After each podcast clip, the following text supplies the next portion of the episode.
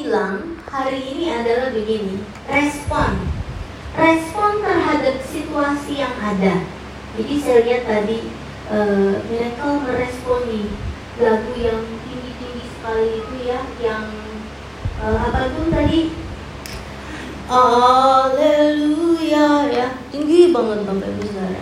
Terus diturunin dia pukul drumnya kecil-kecil itu namanya respon ya setiap orang dalam kehidupan ini diperlukan responnya. Paham? Jadi gini loh ada masalah apa sih respon kita? Ada tantangan apa sih respon kita? Itu yang penting meresponi. Ya tahun ini uh, Bapak Gembala bilang ini jangan dilepas. Let's sign. Walaupun udah lepas sendiri ya uh, Bapak Gembala mau tahun ini tema gereja kita adalah uh, let's sign ayo bersinar ayo penuh dengan kemuliaan Tuhan dan saya percaya uh, apa pun kata dunia hari-hari ini bahwa tahun ini akan menjadi berat dan sebagainya tetapi kalau kita meresponi firman Tuhan dengan baik, maka respon kita akan menentukan masa depan kita. Amin. Baru diomongin respon, orang ngomong amin, diem aja menatap dengan kosong gitu ya. Amin. Oke, Bapak Ibu Saudara, gini loh. Uh, kalau saya bilang tahun ke depan pegang janji Tuhan, Bapak Ibu Saudara udah tahu kan? Pegang janji Tuhan, amin, amin. Hari ini saya mau bilang Firman Tuhan hari ini Seberapa panjang yang saya sampaikan Firman Tuhan hari ini Responi dengan baik. Karena itu yang penting. Jadi Bapak Ibu Saudara dengar firman Tuhan hari ini satu jam, dua jam kalau tidak diresponi dengan baik, maka minggu depan akan ada tantangan, bulan depan akan ada masalah, e, tiga bulan lagi akan ada pergumulan, enam bulan lagi akan ada sakit penyakit, tantangan dan sebagainya. It will be happen in your life, is it? Nah, jadi bagaimana kita hari ini tangkap firman Tuhan apa yang Bapak Ibu Saudara bisa tangkap? dan pegang itu menjadi satu rema dalam kehidupan Bapak Ibu Saudara sampai akhir tahun depan. Oke? Okay? Setuju nggak nih? Setuju ya? Kita ambil firman Tuhan hari ini untuk jadi pegangan selama setahun ke depan. Kenapa? Semalam Bapak sampaikan firman Tuhan bahwa um, istri Lot ketika Sodom dan Gomora mau dihancurkan, istri Lot termasuk pihak atau subjek yang akan diselamatkan atau enggak? Yang akan diselamatkan. Ada dalam planning Tuhan, dia akan diselamatkan beserta suami dan anaknya ke tempat yang lebih aman, ke tempat yang lebih baik, ke tempat yang mereka tidak akan mengalami hal yang berat dan mereka akan dibawa kembali kepada Abraham pamannya untuk memulai hidup yang baru dengan lebih baik. Amin. Tetapi respon dari istrinya Lot berbeda. Ketika uh, dikatakan jangan menoleh ke belakang, dia menoleh ke belakang. Jadi hari ini saya mau bilang bersama Bapak Ibu Saudara bahwa kita semua ada dalam rencana Tuhan untuk diselamatkan. Amin. Untuk dimenangkan. Amin. Untuk ditolong, untuk diberikan masa depan yang baik, untuk menjadi orang yang makin hari makin diberkati, makin berkemenangan dan hari-hari yang akan kita lalui ke depan akan kita jalani dengan kemenangan demi kemenangan. Amin. Kita ada dalam rencana itu, kita ada dalam rencana itu di tangan Tuhan. Tetapi respon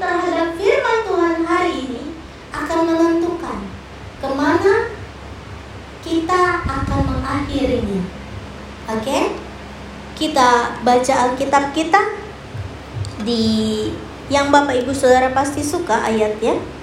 Yesaya 60 ayat 1 sampai 22. Yesaya 60 ayat 1 sampai 22. Sudah dapat amin? Judul perikopnya kemuliaan Sion yang akan datang. Bangkitlah menjadi teranglah sebab terangmu datang dan kemuliaan Tuhan terbit atasmu. Sebab sesungguhnya kegelapan menutupi bumi dan kekelaman menutupi bangsa-bangsa. Tetapi terang Tuhan terbit atasmu dan kemuliaannya menjadi nyata atasmu. Bangsa-bangsa berduyun-duyun datang kepada terangmu, dan raja-raja kepada cahaya yang terbit bagimu. Angkatlah mukamu dan lihat ke sekeliling. Mereka semua datang berhimpun kepadamu. Anak-anakmu laki-laki datang dari jauh. Anak dan anak-anakmu perempuan digendong. Pada waktu itu engkau akan heran melihat dan berseri-seri. Engkau akan tercengang dan akan berbesar hati sebab kelimpahan dari seberang laut akan beralih kepadamu, dan kekayaan bangsa-bangsa akan datang kepadamu. Sejumlah besar unta akan menutupi daerahmu, unta-unta muda dari Midian dan Eva. Mereka semua akan datang dari Sheba, akan membawa emas dan kemenyan, serta memberitakan perbuatan masyur Tuhan. Segala kambing domba kedar akan berhimpun kepadamu, domba-domba jantan Nebayot akan tersedia untuk ibadahmu. Semuanya akan dipersembahkan di atas mezbahku sebagai korban yang berkenan kepadaku. Dan aku akan menyemarakkan rumah keagunganku. Siapakah mereka ini yang melayang seperti awan dan seperti burung merpati ke pintu kandangnya? Sungguh akulah yang dinanti-nantikan pulau-pulau yang jauh. Kapal-kapal Tarsis berlayar di depan untuk membawa anak-anakmu laki-laki dari jauh dan perak emasnya dibawa serta untuk nama Tuhan Allahmu dan oleh karena yang maha kudus Allah Israel sebab ia mengagungkan engkau. Capek ya Bapak Ibu Saudara. 10. Orang-orang asing akan membangun tembokmu dan raja-raja mereka akan melayani engkau. Sebab dalam murkaku aku telah menghajar engkau namun aku telah berkenan untuk mengasihani engkau. Pintu-pintu gerbangmu akan terbuka senantiasa, baik siang maupun malam tidak akan tertutup, supaya orang dapat membawa kekayaan bangsa-bangsa kepadamu, sedang raja-raja mereka ikut digiring sebagai tawanan. Sungguh, bangsa dan kerajaan yang tidak mau mengabdi kepadamu akan lenyap. Bangsa-bangsa itu akan dirusak binasakan Kemudian Libanon yaitu pohon sanobar, pohon berangan dan pohon cemara akan dibawa bersama-sama kepadamu untuk mempersemarak tempat baik kudusku. Sebab aku hendak memuliakan tempat kakiku berjejak. Anak-anak orang orang yang menindas engkau akan datang kepadamu dan tunduk. Dan semua orang yang menista engkau akan sujud menyembah telapak kakimu. Mereka akan menyebutkan engkau kota Tuhan, Sion milik yang maha kudus Allah Israel. Sebagai ganti keadaanmu dahulu ketika engkau ditinggalkan, dibenci dan tidak disinggahi seorang pun. Sekarang aku akan membuat engkau menjadi kebanggaan abadi, menjadi kegirangan turun-temurun. Engkau akan mengisap susu bangsa-bangsa dan akan meminum susu kerajaan-kerajaan maka engkau akan mengetahui bahwa akulah Tuhan juru selamatmu dan penebusmu yang maha kuasa, Allah Yakub.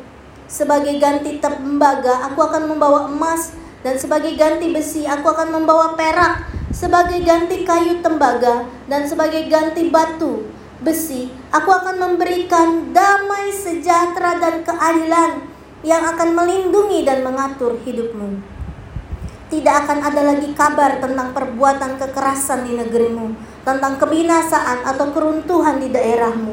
Engkau akan menyebutkan tembokmu selamat dan pintu gerbangmu pujian. Bagi matahari tidak akan menjadi penerang pada siang hari dan cahaya bulan tidak akan memberi terang pada malam hari.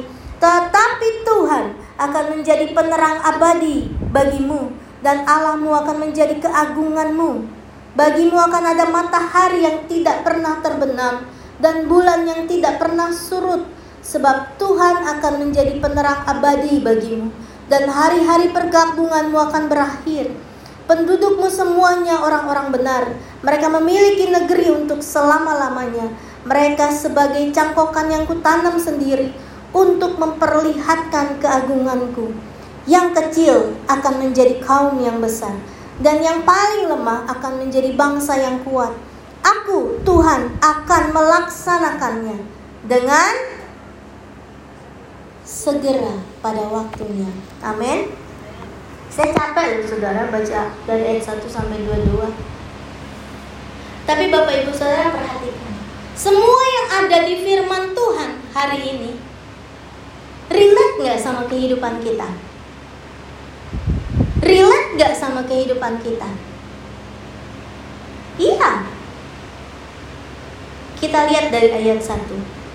Kalau saya bahas sampai ayat 22, maka kita akan pulang besok. Ya. Jadi begini Bapak Ibu sekarang, firman Tuhan hari ini coba uh, Kakak Lin balik ke ayat 1. Bangkitlah menjadi teranglah sebab terangmu datang dan kemuliaan Tuhan terbit atasmu. Ini uh, ayat pertama yang akan kita bahas. Bapak Ibu Saudara, tangkap dan genggam janji Tuhan sepanjang tahun ini dari Yesaya 60 ayat 1 sampai 22. Begini Bapak Ibu Saudara, ini bicara tentang kita secara personal yang sedang menghadapi tantangan, kelemahan, dihina, tidak dipandang, dicemooh. Ini semua buat kehidupan personal kita. Buat gembala, pendeta, hamba Tuhan dikatakan bahwa setiap orang-orang yang beribadah kepada Tuhan akan mendapat kecukupan untuk persembahan, akan menjadi orang-orang yang benar, buat orang-orang yang menjadi pemimpin-pemimpin bangsa-bangsa di situ dibilang negerimu tidak akan lagi mengalami bencana. Ini firman Tuhan untuk semua kalangan. Nah, Bapak Ibu Saudara mau tangkap sebagai apa? Sebagai seorang pribadi, sebagai seorang leader, sebagai seorang kepala rumah tangga, sebagai seorang pemimpin satu jemaat, tangkap itu, pegang itu, dan jadikan pedoman untuk setahun ke depan. Sehingga setahun ke depan, apa pun yang kita hadapi, kalau kita pegang janji ini, ini akan terjadi. Karena saya tadi bilang bahwa kehidupan kita tergantung dari respon kita terhadap firman Tuhan. Apa yang terjadi dalam kehidupan kita tergantung respon kita terhadap firman Tuhan. Setuju? Ketika kita dari kecil sudah dibilang, oh anak jelek, dasar anak bandel, dasar anak nggak baik, maka kita akan pegang itu, saya anak jelek, anak bandel, anak nggak baik. Maka apa yang akan dilakukan? Makin nakal kita kan? Emang aku nggak baik contoh. Saya selalu kasih contoh. Dulu saya saya tuh hobinya tidur ya saudara. Walaupun zodiak Chinese saya bukan babi, yang zodiaknya babi sebetulnya bapak. Saya zodiaknya tuh kelinci imut gitu ya cute ya yang bener kecilnya aja nggak besar besar gitu ya. Tapi hobi tidur. Tapi saya perhatiin memang kelinci kan gitu makan tidur. Goyang-goyang hidung tidur gitu ya. Saya hobinya tidur maka hmm, orang tua saya suka bilang tidur terus kayak kebo katanya. Badannya besar jadi kayak kebo gitu. Terus besoknya apakah saya akan menjadi bangun lebih pagi? Enggak. Makin siang saya bangun saya bilang lo kan aku kerbau. Saudara kalau orang Chinese bilang bosiau punya anak saya. Kalau orang bilang aduh uh, apa sih bosiau so Chinese padahal palsu Chinese-nya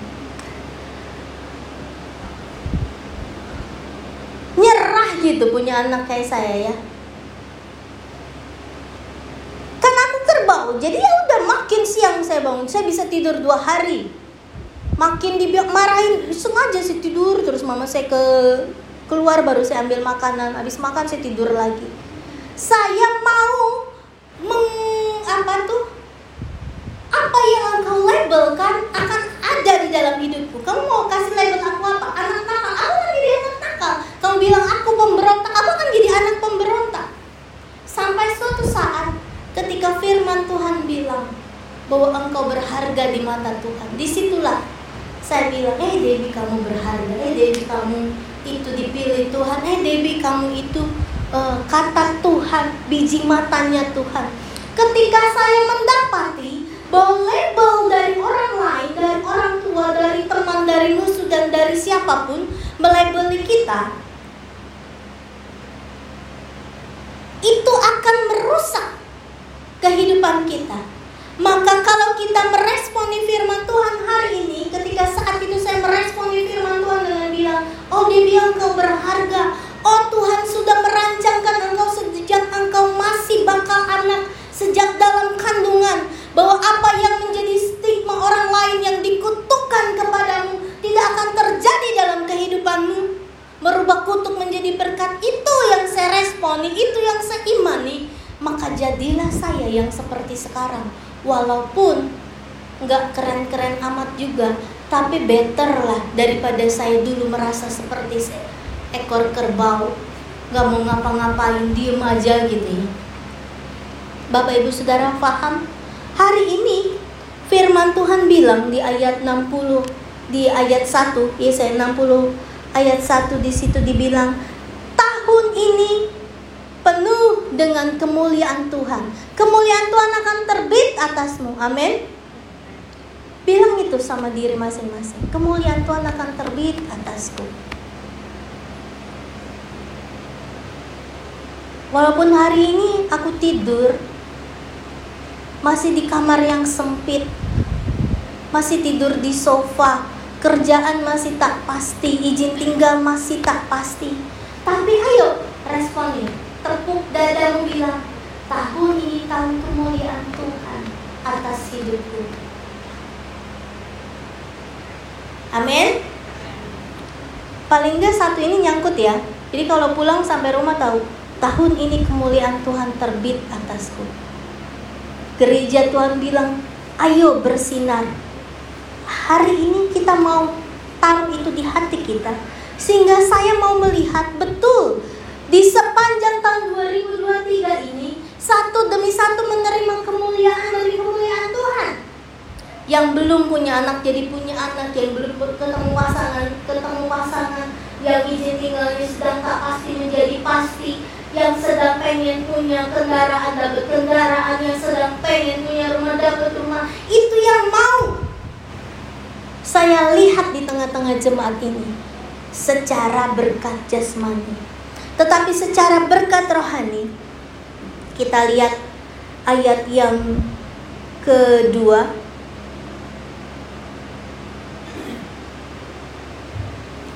sebab Sesungguhnya kegelapan menutupi bumi dan kekelaman menutupi bangsa-bangsa. Tetapi terang Tuhan terbit atasmu dan kemuliaannya menjadi nyata atasmu. Kemuliaan Tuhan itu bukan cuma ada, tapi e, nyata dalam kehidupan kita. Jadi e, nyatakan bahwa Tuhan kemuliaannya akan terjadi dalam kehidupan kita secara rohani di ayat 3 dan 4. Di sini dibilang pertobatan jiwa besar-besaran ayat 3 dan 4. Kakak Lin.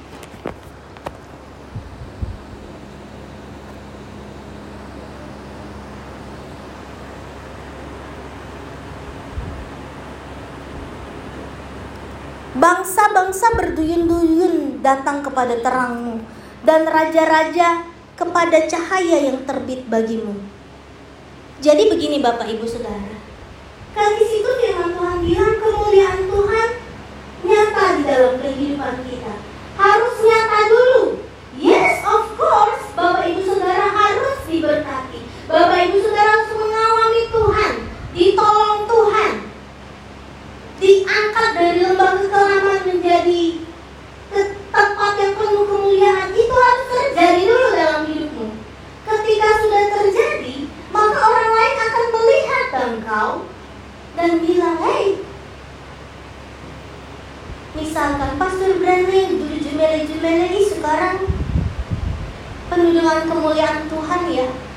Aku mau datang dan tanya apa yang menjadi rahasianya. Oh dulu ya, uh, siapa? Pastor Debbie kerjaannya ngomel-ngomel dulu sampai sekarang.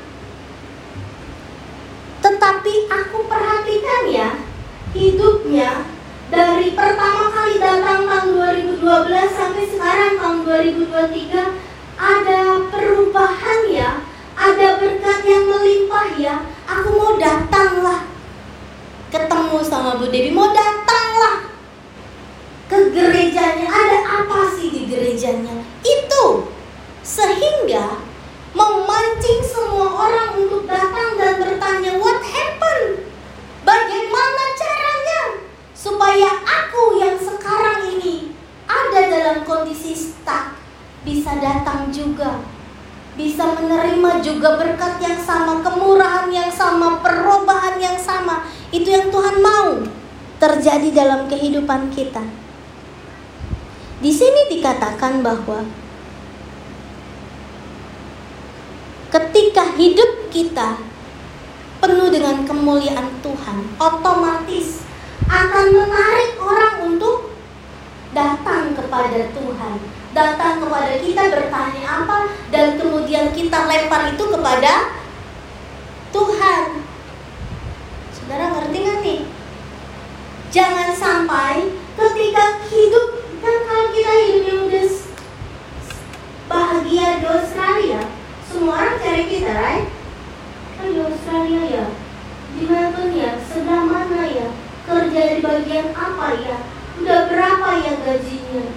Kita makin-makin kan, makin-makin kita foto lah di depan mobil orang lah. Kalau iPhone-nya baru, kita foto di toilet lah. iPhone-nya 5, kameranya kelihatan di sini. ada kembang api, kembang api, kembang api, padahal di bawah penuh sampah gitu ya. Makin-makin kita perlihatkan di sosial media kita apa yang kita sudah dapat, bagaimana kita sudah uh, mencapai sesuatu. Mulai ya saudara, mobil saya kan namanya kedai ya, nomornya, foto nomornya aja kedai. Wah kurang bagus, kurang bagus. Harus disamain nih. Mobil merek kedai di atas sayanya juga harus dapat repot saudara. Mesti turun nih ke atas gitu. Wis saya jadi begini. Wah susah pokoknya motornya saudara. Makin ingin memperlihatkan kemudian orang lain akan tertarik bukan kepada Tuhannya Debbie tetapi kepada Debinya kepada apa yang sudah dicapai Debinya padahal ini nih yang Debi capai karena tuh Tuhan lupa lempar balik ini karena Tuhan sehingga yang dikejar kita yang dicari kita dan kita bahagia ketika dikejar-kejar kan? Gimana sih gimana sih caranya ke Australia? Gimana sih dapat kerja? Gimana sih caranya supaya TR gimana sih caranya supaya permanen resident gimana sih gimana sih supaya bisa punya bisnis? Gimana gimana? Wah kita makin terbang terbang melayang. Bukan itu. Harusnya ketika kita menjadi per, pusat perhatian orang lain untuk mau menjadi sama dengan level kita harusnya kita apain dorong-dorong orang begitu begitu gitu ya. Mau tahu aja gitu. Nggak gitu bapak ibu saya lempar balik kepada Tuhan. Ini loh Tuhan yang kasih ini loh Tuhan yang berikan ini loh upah dari perjuangan taat kepada Tuhan. Ini loh upah dari mengimani firman Tuhan. Ini loh upah dari apa namanya mengalami Tuhan mengalami firman Tuhan demi firman Tuhan. Bapak Ibu Saudara jangan pikir bahwa menggunakan filsafat dunia bahwa kalau Bu Debi bisa, saya pasti bisa. Kalau uh, Pastor Brandley bisa, saya pasti bisa. Bukan gitu caranya. Tetapi kalau firman Tuhan hidupi itu, firman Tuhan mana yang engkau imani itu, itu yang akan terjadi.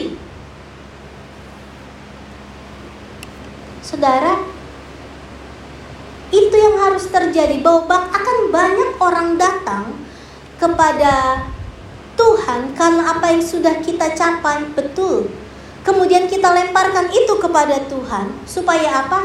Supaya Tuhan yang dimuliakan dan kita mengalami apa yang difirmankan Tuhan. Saya tuh kadang-kadang jadi pendeta capek. Kenapa?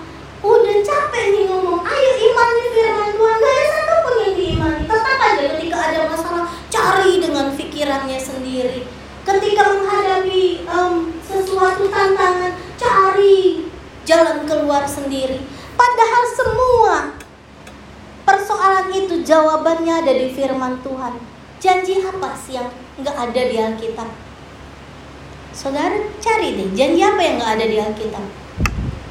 Kesembuhan, jodoh, berkat, pertolongan, menang dari fitnah, mendapat kehormatan semua ada di Alkitab, tapi kita keseringan tidak mau mengimani firman Tuhan itu, menjadikan firman Tuhan itu nyata dalam kehidupan kita. Iya Pak ya? Maunya simpel, kalau ada kerja cari koneksi Bu kalau ada kerja kalau uh, izin tinggal udah mentok ya cari lawyer bu iya betul tapi sebelumnya cari itu bapak ibu saudara saya ini sering banget bilang begitu bukan karena saya pendeta tapi dari kecil saya belajar klaim firman Tuhan imani janji firman Tuhan dan itu terjadi dalam kehidupan saya jadi waktu saya kelas 8, 9 Saya lihat papa saya pelayanan Naik mobil ajrut-ajrutan Saya tulis di atas pintu kamar saya Tuhan kasih papa saya katana Jimny Katana, Suzuki Jimny Katana tahun 1991 Saya tulis warnanya putih Saya tulis itu Kenapa Tuhan bilang minta akan diberikan Saya tulis itu, dikasih Tuhan dikasih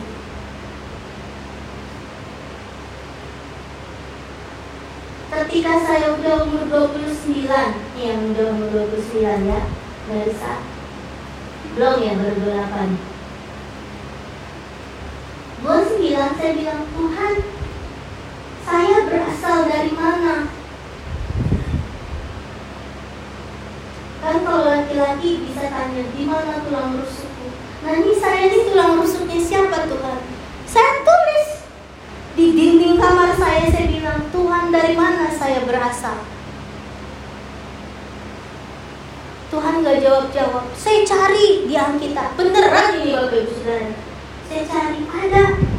Hai Bapak-bapak carikanlah suami untuk anakmu perempuan. Ada Saudara. Beneran nih ada.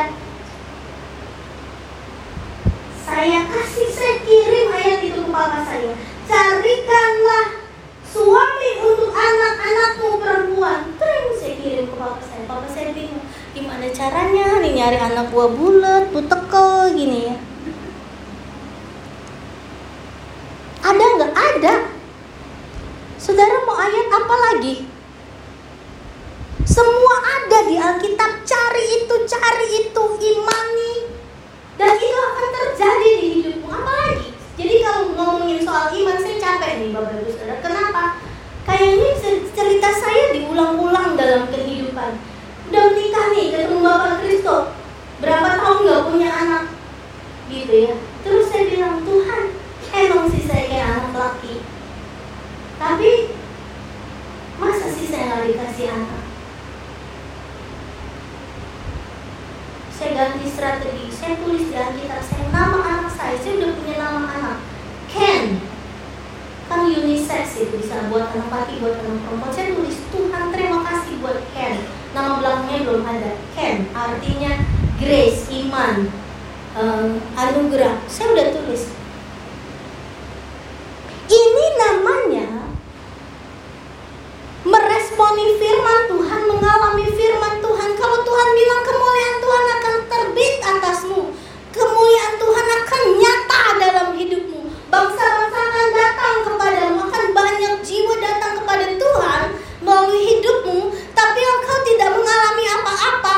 tidak ada perubahan apa-apa dalam hidupmu, ya orang akan cari apa? Karena itu hari ini belajar responi firman Tuhan. Begitu banyak kalau kata pendeta-pendeta yang keren. Ada 5.000 janji Tuhan. Ada 365 kata jangan takut tiap harinya. Terus saudara mau garis bawahi yang mana buat hidup? Akan berkumpul datang kepadamu. Anak perempuan akan datang digendong ke hadapanmu. Saya tahu ada di antara kita yang terpisah dengan anak-anaknya, dengan orang tua dan sebagainya. Itu bisa terjadi nggak? Bisa. Tapi mau nggak responi firman Tuhan hari ini, meresponi janji firman Tuhan hari ini dengan cara yang benar itu terjadi dalam kehidupanmu sehingga orang datang dan bertanya kepadamu gimana caranya bisa dapat itu gimana sih caranya John bisa ketemu Rika gimana sih caranya Rika bisa mengalahkan berjuta-juta bunga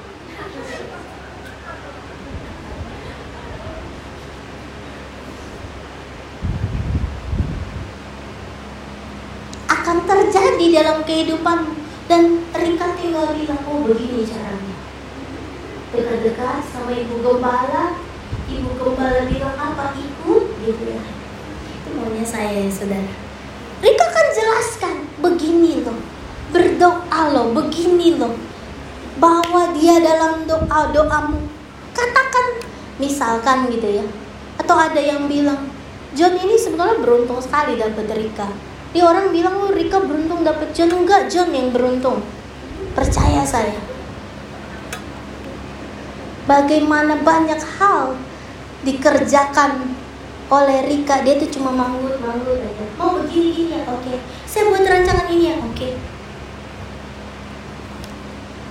kok ibu tahu tahu lah karena John kan mirip-mirip sama bapak tempeng lah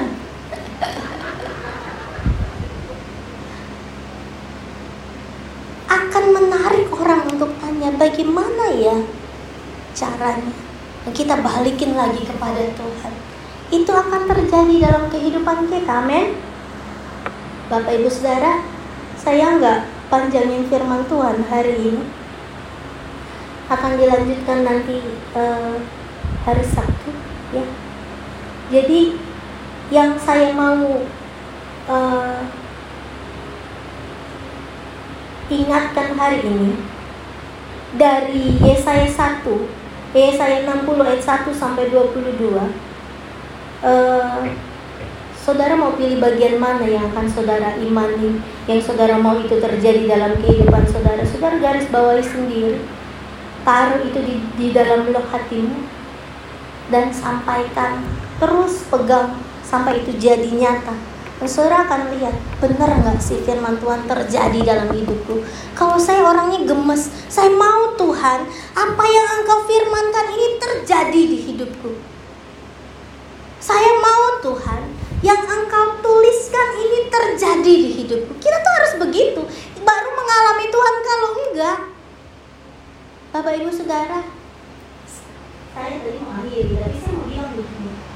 Waktu Tuhan menciptakan beserta isinya. Tuhan bilang apa sih? Jadi terang jadi. Jadi tumbuh-tumbuhan jadi. Jadi binatang jadi. Kan gitu. Ya tapi ketika dia ciptakan Adam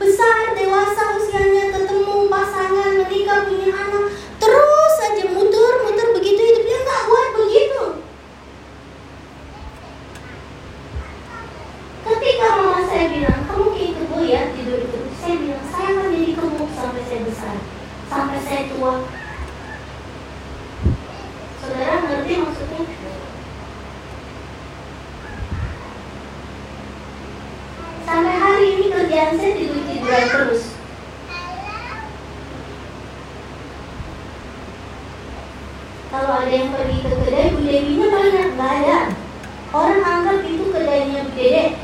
Bu Dewinya mana? Nggak ada. Bu Dewi di mana? Di rumah tidur tiduran.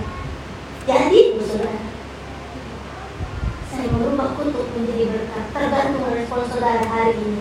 Merespon firman Tuhan secara apa?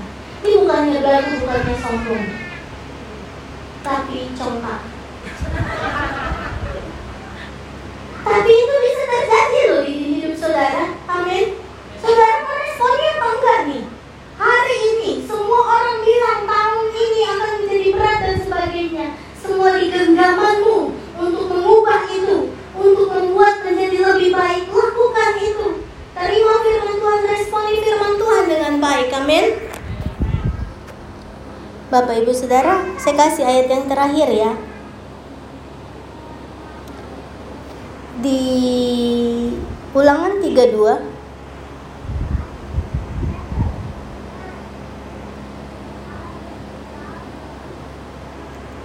ayat 46